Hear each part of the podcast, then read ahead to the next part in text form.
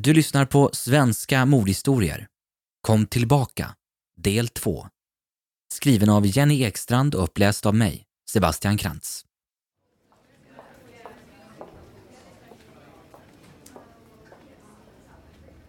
Varje natt säger Erik att Liam börjar komma till hans rum. Det är alltid när natten är på väg att övergå till dag, klockan fyra ungefär, eftersom det är sommar och solen knappt går ner. Den tid som vissa med sömnbesvär kallar vaggtimmen. Petra vet inte vad hon ska tro. Hjärnan känns helt mosig av alla tabletter också. Om Liam kom hit, varför kom han inte till henne? Varför sa Erik att det var för att Petra stod Liam för nära? Man kan väl aldrig stå någon för nära? Om det är någon som skulle förstå Liam så var det väl hon. Och varför kom han istället till Erik? Vad var det för nära band Erik yrade om? Hon hade aldrig haft några nära band till Erik, även om han varit snäll mot henne den där gången i matsalen. Hon visste ju ingenting om honom, mer än att de gått i parallellklasser i den stora skolan som hade över 1200 elever. Parallellklasserna var fem i varje årskurs och hade han inte hjälpt henne den där gången i matsalen så hade han varit en komplett främling för henne. Petra har så många frågor, men ingen att fråga. Ingen kan ge henne svaren. Hon känner sig så fruktansvärt ensam. Anders fortsätter att försöka få träffa henne, men hon vägrar varje gång. Anders har dödat deras barn. Han har dödat hennes barn. Hon ser inte Liam som Anders barn längre. Liam är Petras, bara Petras.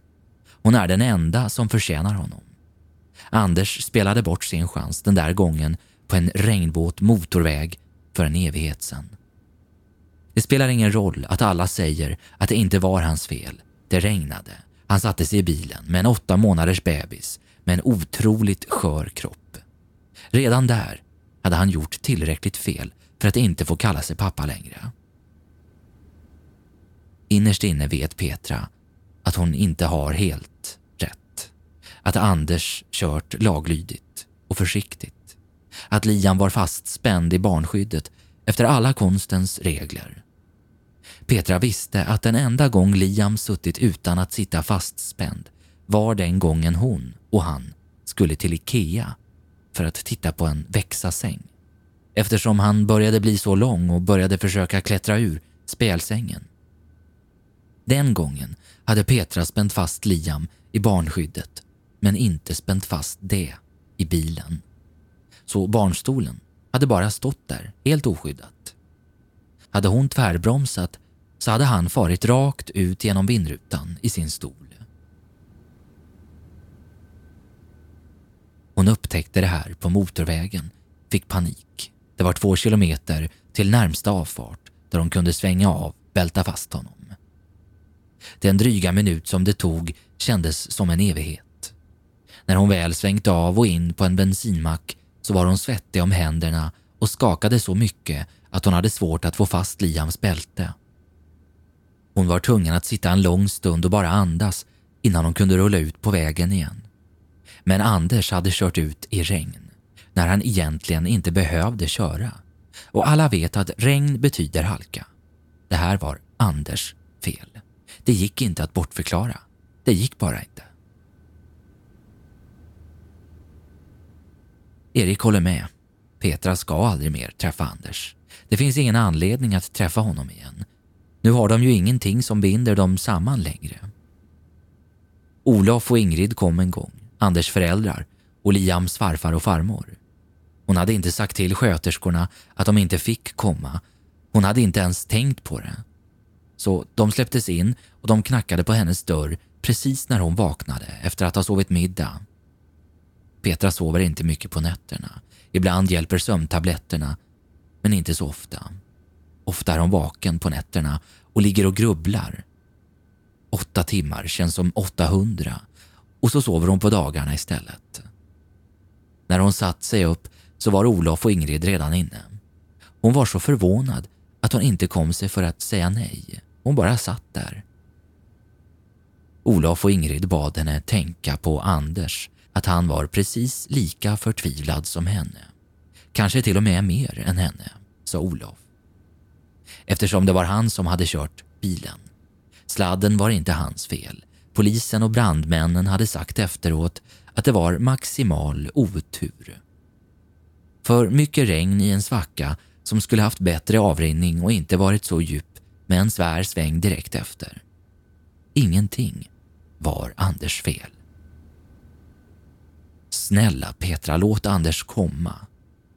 Ingrid grät, men inte våldsamt eller bedjande, tänkte Petra. Tårarna bara rann och Ingrid verkade inte ens märka det. Tårarna rann som om de brukade göra det, som om de rann samma väg över Ingrids kinder ofta. Petra kände en hård klump i magen då. Hon älskade Ingrid och Olof. Hon hade älskat dem. På något sätt så var det svårare att sluta älska dem än det hade varit att sluta älska Anders. Kärleken till honom hade bara stängts av. Hon hade inte ens behövt kämpa för att den skulle ta slut. Men med Ingrid och Olof så fanns det en längtan i Petra att bara låta sig omslutas. En längtan efter en kärlek som faktiskt kändes mindre komplicerad än till hennes egna föräldrar ibland, nu efter olyckan. Det gjorde ont att se Ingrid och Olofs sorg, men inte lika ont som det gjorde för Petra att se sina egna föräldrars. Hon kunde inte svara. De bad och bad, snälla, kunde inte Anders få komma upp på avdelningen? Han vill ju bara prata, förklara. Han vill bara prata, Petra. Till slut nickade Petra. Låt honom komma, visade nicken. Personalen hade tagit in kaffe och kakor till Ingrid, Olof och Petra men ingen hade rört sina koppar när Ingrid och Olof reste sig för att gå. De sa att de hade kontakt med hennes föräldrar och att det gav tröst trots att det gjorde ont för dem allihopa. Men det var skönt för farmor och farfar att prata med mormor och morfar, sa hon. Petra frös till is i kroppen, hela hon helt stel. När de gått ringde hon på sköterskan och sa åt honom att aldrig mer släppa in varken dem eller Anders. Aldrig har smärtan varit större över att inte kunna mysa med Liam just nu. Bara att få hålla honom nära. Insupa hans doft av barnpuder och värme. Petra skulle göra vad som helst för att få känna den doften och värmen igen. Hon försökte komma ihåg sista stunden hon hållit honom på dagen innan hon åkte iväg till möhippan. Och hon mindes det. Hon mindes verkligen varje sekund av de sista minuterna. Hon hade redan då haft lite ont i hjärtat över att åka iväg ifrån honom. Tvekat säkert tio gånger och tänkt boka av. Alla skulle väl ha förstått. Hon hade ju en liten bebis. Men Anna var hennes allra äldsta vän. De hade känt varandra nästan hela livet. Det kändes som ett svek mot Anna att inte vara med, så hon gick. Om hon bara inte gått. Om Anders och hon och Liam varit hemma den där regniga kvällen. Petra orkar inte ens tänka den tanken till slutet. Hon orkar inte. Det dåliga samvetet över att hon vet att Liam dog medan hon stod på dansgolvet. En timma innan hon kommit hem och stupat i säng. Hon vet att det finns missade samtal i hennes mobil. De hade försökt ringa henne. Poliserna. Men hon hade roat sig, haft roligt. Kommer hon någonsin komma över den känslan? Hur hon svikit Liam? Hon har märkt att hon kan få mer medicin om hon ber om det. Det hon får till frukost, lunch och middag är den medicin som läkarna nästan kräver att hon tar. Men hon kan be om mer för att bli lugn. Hon går ut barfota i korridoren till sköterskeexpeditionen. Hon ber om mer för att bli lugn.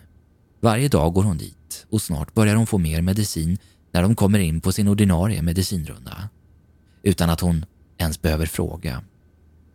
Hon märker att allt skrivs upp. Sköterskorna är oerhört noggranna. De är med, räknar och prickar av. Undersköterskor får inte dela ut medicin, verkar det som. Annars tycker de bäst om undersköterskorna. De har bäst känselspröt. De känner om de ska smyga in och ut ur rummet när de ska hämta något eller om de kan säga några ord. De har försiktigast händer där de ska ta olika prover. De tittar ner och söker inte hennes blick. Men vill Petra ha ögonkontakt så verkar de känna det. Petra orkar väldigt sällan ha ögonkontakt. En dag knackar det på dörren till hennes rum. Hej Petra, förlåt att jag stör dig. Vi får inte komma in i varandras rum. Jag vet. Jag har frågat Birgitta, hon sa att det var okej. Okay. Vad vill du då, Erik? Vill du berätta något mer om Liam? Jag vet inte vad jag tror om det där. Nej, jag tror inte på det. Förstår du det? Jag vill inte heller tro på det. Det skrämmer mig, men han står ju där framför mig natt efter natt. Vad vill du att jag ska göra? Ska jag be honom gå? Är det det du vill? Varför är du här just nu? Det är frukost snart. Han kom i natt igen, men han stod inte bredvid min säng. Han stod längre bort den här gången, borta vid besöksstolen. Han sa att han kände att han var på väg bort, att han vill komma tillbaka till dig, men att något drar honom åt andra hållet. Liam sa att det enda sättet att ni kan vara tillsammans igen är att du kommer ut härifrån, Petra. Lyssna på vad jag säger. Liam behöver att du kommer ut härifrån. Jag blir helt förtvivlad när han står där på nätterna och nu när det ser ut som att han är på väg bort. Lika rädd som jag blir när han står där, lika rädd är jag när det ser ut som att han kommer försvinna. Förstår du? Jag kan inte komma ut härifrån. Det vet du. Jag och du också är tvångsvårdade, inlåsta. Han sa att vi skulle hjälpa varandra att bli friska. Att det är så man blir frisk, så att du kan komma ut härifrån. Liam sa något om att jag kunde värma dina fötter åt honom. Vad menar han med det? Petra hoppar till, chockad. Kalla fötter. Det var ett internt skämt Anders hade med henne. Hon var alltid så himla kall om fötterna. Fötter som isbitar. Hade alltid raggsockar på sig. Till och med när de varit på semester tillsammans i Indien. Till och med nu, där hon satt med benen under täcket. Saker som hon och Anders skämtat om när Petra haft Liam i famnen. Att han var så varm att hon kanske inte behövde raggsockor längre nu när hon hade sin son. Sånt hade de sagt, skojat om. För Liam var otroligt varm. Lagom varm. Och han värmde henne ända in till tåspetsarna även om raggsockorna fortsatte att sitta på. Men det var ytterligare ett av de interna skämt som hon och Anders hade samlat på sig under alla år tillsammans. De hade hunnit få ihop många. Saker som bara hon och Anders visste och som bara de två skrattade åt och förstod. Men inte bara hon och Anders. Vissa saker hade Liam hört. Han hade hört dem skoja om Petras frusna fötter så många gånger. Hur kunde Erik veta det om inte Anders berättat det för honom? Men Erik hade inte träffat Anders vad Petra visste. Och hade de gjort det så skulle de väl inte pratat om en sån här privat sak. Inte skulle väl Erik och Anders prata om att Petra är frusen av fötterna? Om det hela inte var sant hade Liam kommit till Eriks rum på natten. Erik måste fått reda på det han nu pratar om ifrån Liam. Det finns inget annat sätt. Ingen annan förklaring. Allting snurrar för Petra. Allting som hon trott var sant är ställt på ända. Eh, jag vet inte vad jag ska tro. Jag, jag måste tänka. Erik, kan inte vi ses i det vänstra samtalsrummet efter lunch? Jag kan fixa nycklar i förväg och så väntar jag på dig där. Snälla, jag kan inte prata om det här nu. Jag måste tänka, Erik. Det här är så svårt för mig att ta in. Jag både vill tro och inte.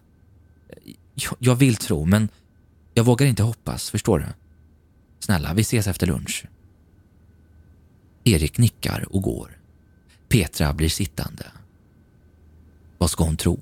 Döda människor kan inte komma tillbaka. Eller är Liam inte död? Är allt det här bara ett dåligt skämt eller en ond dröm? Hon vet att hon får så mycket mediciner att det säkert är svårt för henne själv att bedöma och att veta säkert. Ibland kommer det in någon som är psykotisk på avdelningen och hon eller han kan tro att hen är förföljd. Att den är en känd pianist eller höra röster i huvudet, höra budskap i sångerna som spelas på radion, budskap bara till hen. Ibland när Petra reser sig så känner hon att hon måste stanna till för att allt snurrar omkring henne. En gång hade en taktlös sköterska skämtat om att kom ihåg att inte köra bil idag. Och de här skulle kunna sänka en elefant. Herregud, ska en sån människa jobba på sjukhus med patienter i sorg? På en psykavdelning när en del överlever just tack vare stark medicin? Men det fick henne i alla fall att inse att det verkligen inte var magnesyl hon fick. Eller kanske har hon fått en total livskris, precis som Erik fick, när kroppen och hjärnan bara stängde av. Anledningen till att han befinner sig här, kanske är det därför hon är här, inte för att Liam är död. Kanske lever Liam på något sätt, men kan inte komma hit och besöka henne. Barn kanske inte får komma till avdelningen. Det kan ju vara ganska obagligt här ibland med människor som går och pratar med sig själva och, och hasar fram som zombies. Kanske är hela Petras tro att Liam är död en psykos som hon har fått. Kanske är det därför Anders kämpat så för att komma hit och träffa henne. För att han måste förklara det för henne. Att det aldrig skett någon bilolycka. Erik vet ju inte att Liam är död.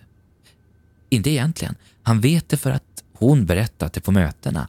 Men annars hade han inte vetat om det. Om hon sagt att hon förlorat sin mamma och det var därför hon var inlagd så skulle det varit det han trott. Vad är det som händer egentligen? Tankarna virvlar runt i Petras huvud. Vad har hon egentligen att förlora? Hon är inlåst på en mentalavdelning. Tungt medicinerad. Vill inte leva längre. Varför inte prova?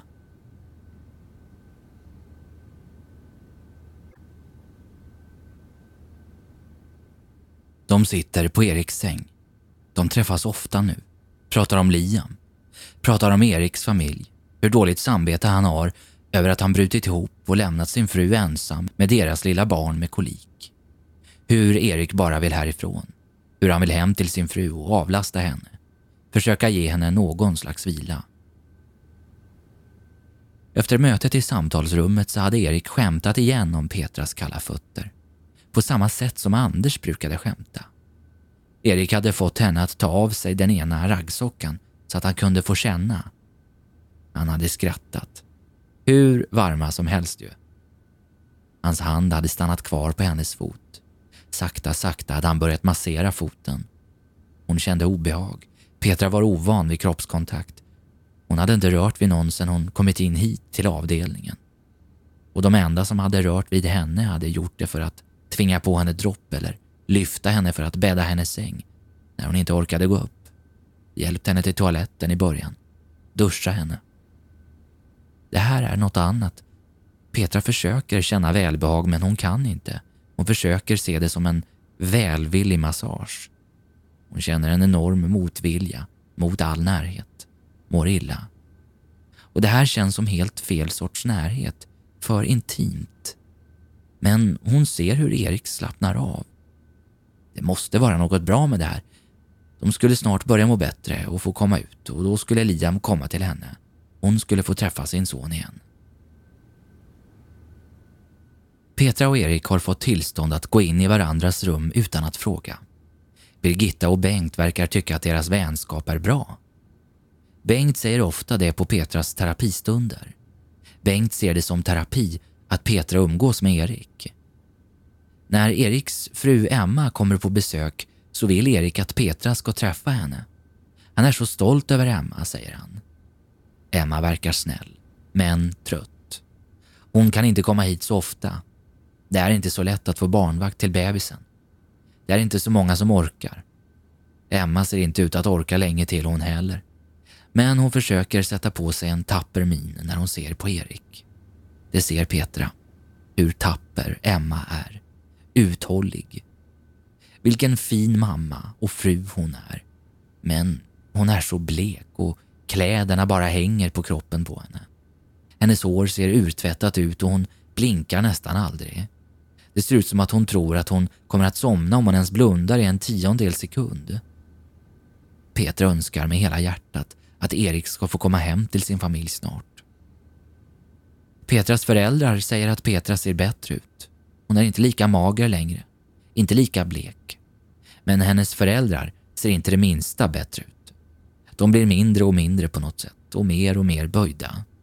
De ser ut som slokiga, vissna blommor.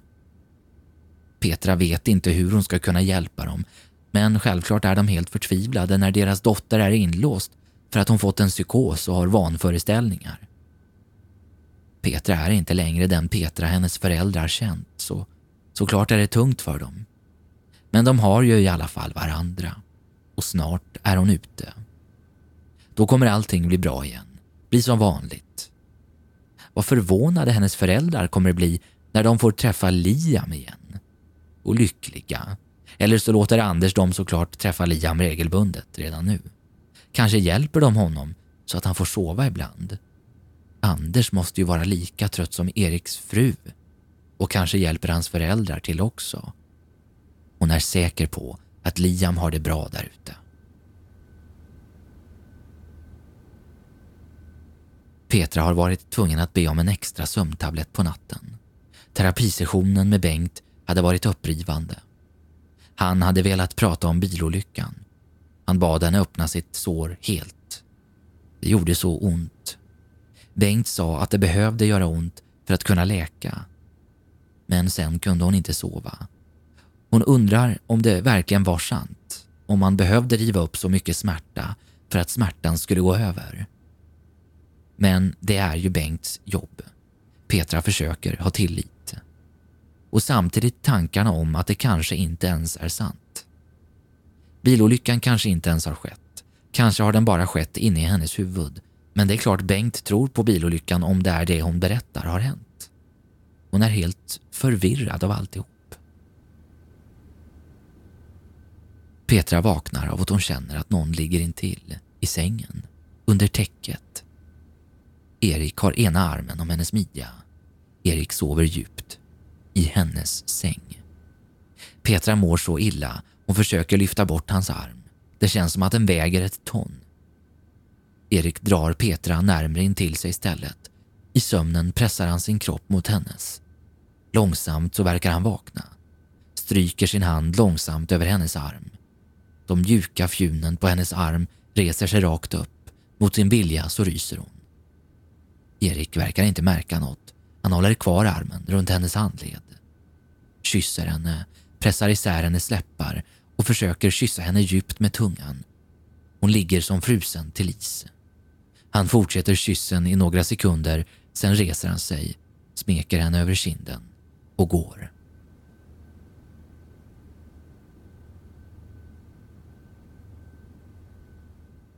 Tre månader och fyra dagar. Hon kan inte tro att det är sant när Birgitta berättar det. Petra hade varit här på sjukhuset i tre månader och fyra dagar. På psykavdelningen, avdelning 54. Nu hade hon varit här längst av alla. Hon och Erik var de enda som var kvar av de som varit med på gruppterapin ifrån början.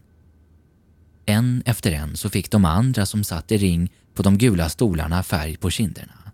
De gick upp i vikt, började gå med raka ryggar och ibland så klarade de av att le. Plötsligt så var en person borta och någon ny. Liten, böjd och grå person satt på deras plats. Men Birgitta och Bengt kommer göra dem också färgglada. Eller i alla fall tillräckligt mycket för att de ska kunna få släppas ut i den vanliga världen igen. Det var bara Petra och Erik som var kvar här, dag efter dag. Erik smeker Petra över ryggen. Kramen tar aldrig slut. Resten av avdelningen är ute på promenad. Sex patienter och fem vårdare. Petra klarar inte av att gå ut ännu.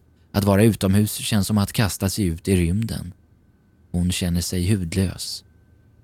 Petra behöver ha fyra väggar runt sig. Bara att gå i korridorerna bort när det är dags för terapi är tungt. Fortfarande, efter så lång tid. Erik har erbjudit sig att stanna med henne medan de andra är ute på promenad.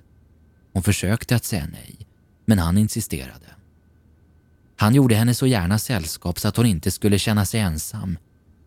Syster Berit sitter inne i receptionen. Erik tar Petras hand. Hon följer motvilligt med in på hans rum. Erik drar med henne in i badrummet. Viskar att Liam vill att de skulle bli friska. Att hon ska bli frisk. Så att hon kunde komma ut. Komma ut till Liam. Liam hade aldrig dött, säger Erik.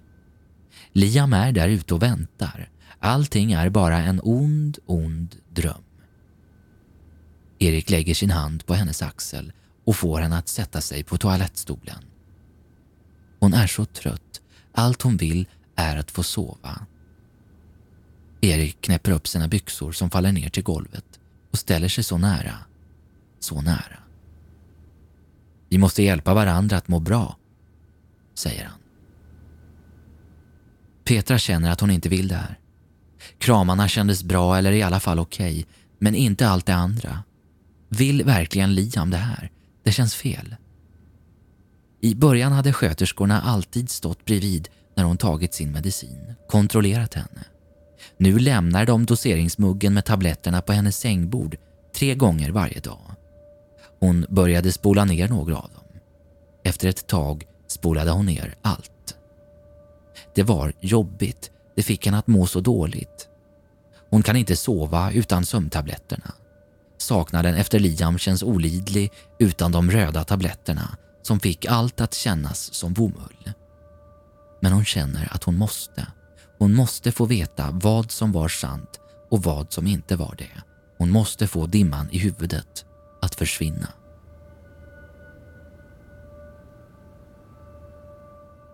Nästan varje morgon ligger Erik bredvid henne i sängen. En timme efter att medicinen delats ut till att frukosten kommer. Man behöver egentligen inte ha någon klocka här på avdelningen. Allt följer det schema som sitter uppe på whiteboarden utanför sjuksköterskornas kontor. Tiderna följs till punkt och pricka. Blir en sjuksköterska försenad inne med en patient som kanske behöver extra hjälp under frukosten så tar en annan sköterska hennes plats och går in till nästa patient på schemat på exakt rätt minut. Avdelningen är oerhört tyst. Allt som hörs är de klapprande stegen över golvet. Det är som att personalen kommunicerat ordlöst med varandra. Allt sker så smidigt, så väloljat. För Petra är det en trygghet med de exakta rutinerna. Hon antar att det är likadant för de andra patienterna också. Efter frukosten kommer ronden. Då är man tvungen att vara på sitt eget rum. Eriks hand smyger sig innanför hennes kläder, letar. Erik har blivit mindre och mindre öm och försiktig. Mer rak på sak och mer hårdhänt. Hans fingrar letar sig in överallt, gör henne illa. Hon hör hans tunga andhämtning i nacken. Petra har försökt att blunda och tänka att det snart är över. Det här kommer att ge Liam tillbaka. Men hon orkar inte längre. Erik, jag vill inte längre. Jag tror inte att det här kommer ge mig Liam tillbaka. Jag tror inte att varken du eller jag kommer att komma ut för att vi gör så här. Och du har en fru. Hur tänker och känner du egentligen som gör så här mot henne? Petra, det här är vad Liam sa. Emma blir glad om jag kommer ut. Ser du inte hur trött hon är varje gång hon kommer hit? Tror du att jag vill göra det här? Jag gör vad som helst för att få komma ut till min familj. Jag gör ju det här för dem och för dig. Hur kan du ens tänka tanken att det skulle vara något annat? Du ljuger. Allt du vill ha är att komma åt mig, min kropp. Liam har aldrig pratat med dig. Han har aldrig stått bredvid din säng på natten. Först trodde jag på dig. Hur kunde du veta om mitt och Anders skämt om mina kalla fötter annars? Sen kom jag på att det var ju självklart. Jag går ju alltid omkring med dubbla raggsockor. När alla andra går i tofflor eller barfota så går jag i världens fluffigaste raggsockor. Du hade ju sett det på gruppterapin.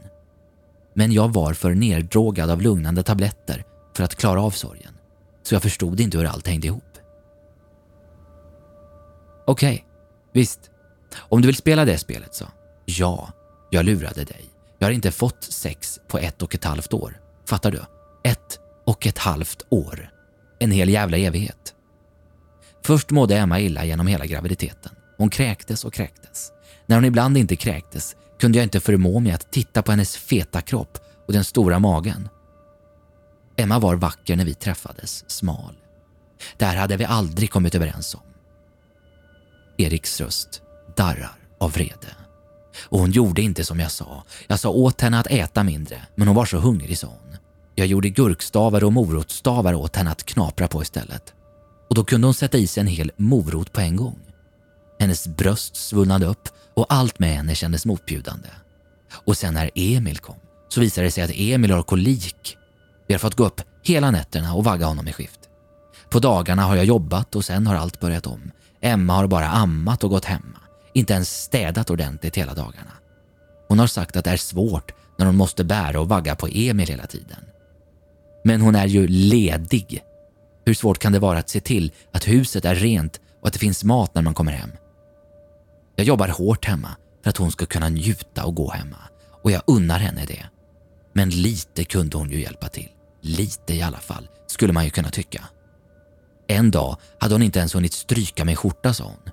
En annan dag så hade hon inte plockat ur diskmaskinen på morgonen så jag var tvungen att ställa min kaffekopp i sinken. Och det dröjde en hel vecka efter förlossningen. En hel vecka, Petra. Innan jag ens kunde få henne att suga av mig. Och då fick jag tjata och smickra som fasen. Låtsas och säga att hon var fin, att hennes mage såg ut precis som innan, att hon var varje mans dröm. Sån jävla skit, bara för att få en enkel avsugning. Tänk om jag visste hur hon skulle slappa till sig när vi gifte oss. Och även om Liam inte sa åt oss att göra det här så har det ju fått oss att må bättre, eller hur? Jag har inte mått bättre av det här. Vill du skylla ifrån dig nu? Det var du som förförde mig. Och du gillade det. Nej, du älskade det. Va? Du kan dra åt helvete. Jag vill aldrig mer se dig. Jag ska se till att bli frisk själv och komma ut härifrån. Sen ska jag anmäla dig ditt vidriga svin. Tror du? Ja. Erik blir tyst. Ser tankfull ut, men glad, lite busig. Är han galen? Vad var egentligen felet med Erik? Varför gjorde han så här? Hade han blivit helt galen? Spelade han teater för att ännu en gång försöka få henne att ändra uppfattning? Att ännu en gång få henne i säng? Bilder. Jag har bilder, foton. Du ser ut att gilla det på fotona.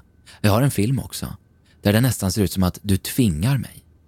Du kommer aldrig att komma ut om jag visar det här för läkarna på avdelningen. Eller, det kommer du kanske. Jag kan anmäla dig för våldtäkt och så hamnar du i fängelse istället. Petra känner tårarna bränna under ögonlocken. Den jäveln.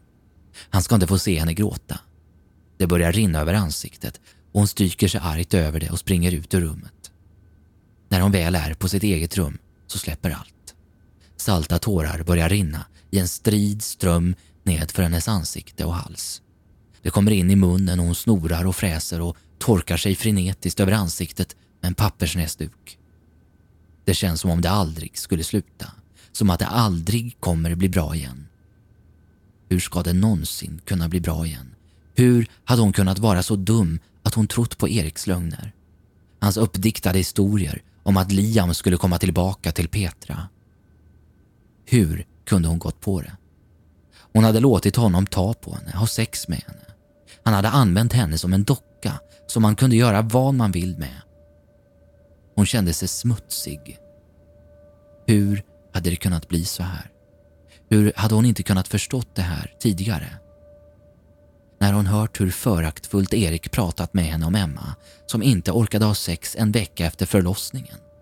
En vecka, en vecka efter en förlossning är man fortfarande helt utmattad. Försöker få igång amningen. I bästa fall lyckas man duscha ett par gånger i veckan. Men oftast inte. Man blöder förfärligt fortfarande. När hon fick Liam hade hon legat i soffan den första veckan och Anders hade behandlat henne som en drottning. Serverat allt hon ville ha, tidningar, böcker. Alla cravings hon inte fått äta under graviditeten men fick nu. Hon fick välja vad hon skulle se på TV trots att hon alltid somnade mitt i ändå. Så ofta han kunde lirkade han försiktigt ur den sovande Liam ur hennes famn för att hon ostört skulle få vila och för att han själv skulle få lite närhet med sin son.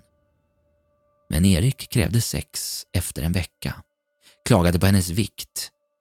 Han var ett svin. Att hon inte såg det.